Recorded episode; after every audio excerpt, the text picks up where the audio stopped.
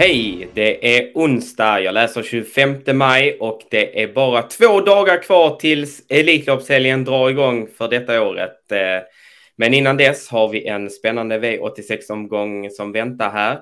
Det är Åby och Romme som delar på värdskapet här, inte Solvalla alltså, så att ni tänker på det.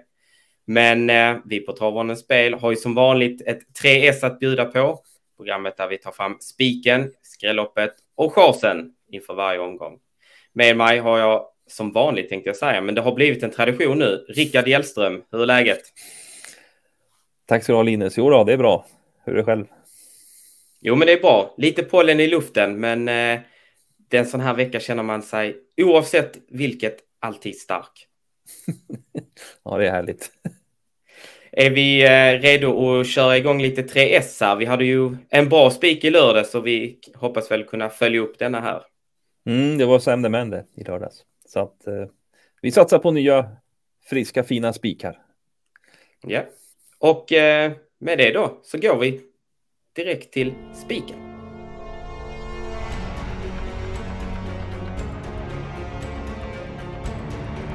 Spiken, då är vi på Åby. Jag läser V86 5 och häst nummer 1, Immigrant Am, tränad och körd av Robert Berg. Ja, Rickard, eh, motivera den här. Ska vi göra. Eh, en häst som ja, han tävlade på eh, bra redan i fjol och eh, fortsatte redan i, i år. Han var ju till exempel näst senast ute i en klass 2-final där han sprang i ledningen, men mm, kunde inte stå emot Piemonte riktigt till slut. Men det är ju inte så mycket att säga om.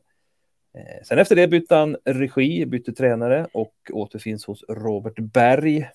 Han, eh, Immigrant Amda gjorde debut för honom eh, nu i eh, mitten på maj och då satt han ja, långt bak i kön med Erik Adilsson i sulken och eh, fick gå med i spåren. Kommer långt ut där i tredje, fjärde spår in mot upploppet och eh, han håller väl farten godkänt där som sexa i mål Eh, drygt en 12 sista 700 bakom I'll find my way home som vann loppet. Eh, men med det loppet så, ja, han ska ha gått framåt med det. Oskar Flored i stallet där berättade att hästen var bara tungt tränad inför den starten.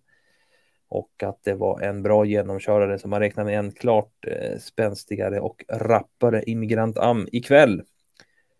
Dessutom så lyser det rött i parfotainformationen där på fram. Det är alltså barfota runt om planerat.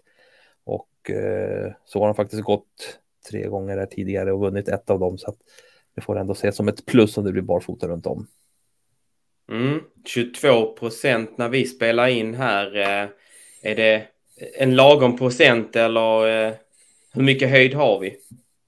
Ja, vi har ju höjd för lite till i alla fall. Eh, och ja, man står ju rätt intressant till här. Det är ju spår 1 och Eh, Eh, vi räknar med att Robert Berg kör i ledningen här med Immigrantanda såklart.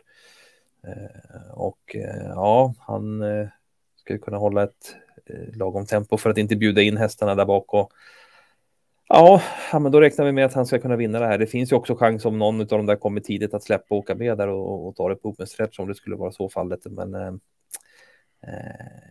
vi tror nog att eh, det första scenariot jag sa är ett större större chans till att vinna loppet då att köra i ledningen. Har vi sett Robert Berg släppa ledningen när han har tagit den och är betrodd? Nej, det kan jag inte påminna mig faktiskt. ja. ja, men eh, vi, eh, vi tar ställning i ett eh, lite jämspelat lopp här. Det är ju några hästar som sticker ut och Immigrant Am är inte ens favorit när vi spelar in. Så en, eh, en bra spik om den då sitter.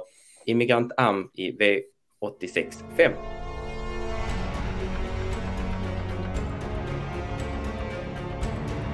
Nästa rubrik är ju i vanlig ordning skrälloppet och den här veckan har vi valt ut V86.6 som är ett eh, sprinterlopp i en eh, klass, ja, ska man säga klass 1-klass helt enkelt. Det är upp till 400 000.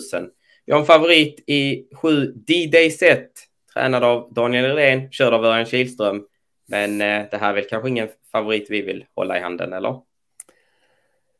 Nej, så är det ju. Eh, det är ju en häst som ja, tävlat, han är tävlat sporadiskt i år då. Eh, gjorde senast eh, comeback efter lite uppehåll. Det var andra starten för året bara. Eh, fick en ganska tung löpning då, då var med lite körning om ledningen och sen så fick han gå utvändigt där och ja, han räckte inte till helt enkelt. Han är säkert bättre med loppet, eh, Eh, men spåret eh, långt ut bakom vingen här ändå gör ju att han riskerar att få göra grovjobbet igen. Och eh, som klar favorit här så vill vi nog vill vi gå emot honom helt enkelt och försöka jobba in en skräll istället. För det, han är ganska klar favorit och det finns då gott om skrällbud bakom. Ja, precis. Över 50 procent när vi spelar in här. Och där bakom är det ju bara 10 Victorious Wine som är 2-procentig.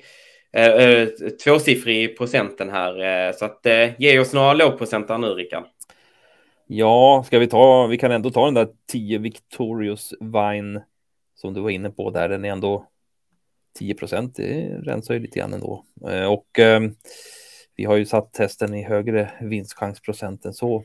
Faktum var att eh, Victorious Vine mötte D-Day Set i senaste starten och ut på sista bortre långsidan där så Eh, körde Claes Sjöström till och det gick undan värre. Han, Victorius Wein rundade ju D-Day Set där och gick i sju tempo där i 300-400 meter men eh, sedan ebbade speeden ut lite till slut och Victorius Wein kunde inte vinna det loppet, men var före D-Day sett i mål i alla fall. Och eh, det här är en bra sprinter också, Victorius Wein, som eh, har vunnit fyra av fem segrar just över kortdistans och är ju väldigt speedig. Så får han spara speeden lite längre än senast här så skulle han kunna vinna det här loppet. Men ja, vi kan väl avslöja att vi har faktiskt en häst som vi rankar både före D-Day Set och TS 10 Victorious Wine. Ska vi, ska vi avslöja den? Det är klart vi ska göra det. Så är det ju. Och det är sex secondary stall som jag har tävlat på flitigt på V75 i år. Han har faktiskt varit ute i sju av nio starter i år på V75. Så att eh, han har gjort det bra i flera av loppen också. Eh, senast, åt, senast var han ute i ett sånt där speedrace 1140 meter bara.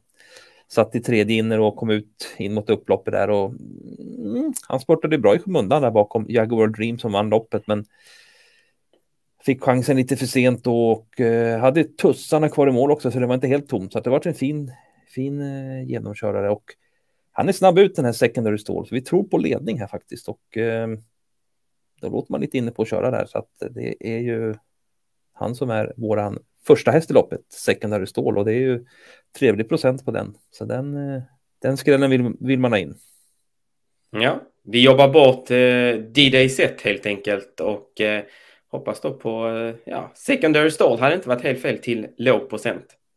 Ehm, med det så går vi då till sista rubriken och det är alltid den som är lite läskig för oss tipsexperter och det är omgångens chas.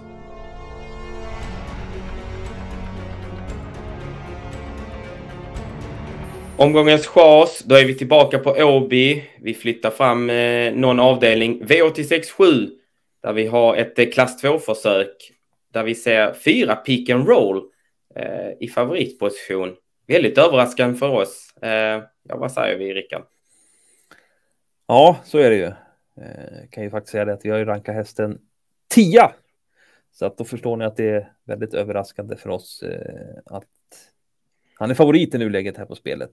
Eh, har gjort det rätt vettigt här, vunnit fyra lopp eh, av sex gånger, har gått felfritt. Kommer från seger också. Men eh, gick ju bara en, drygt en 17 tid då.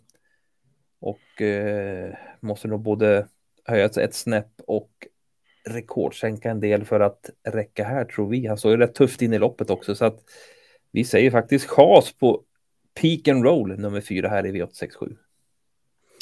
Vi brukar ju säga det ibland så, så chasar vi en häst eh, för att den är för hårt betrodd men kanske ändå säga att man ska ta med den på systemet. Hur, hur känner man egentligen för pick and roll som favorit?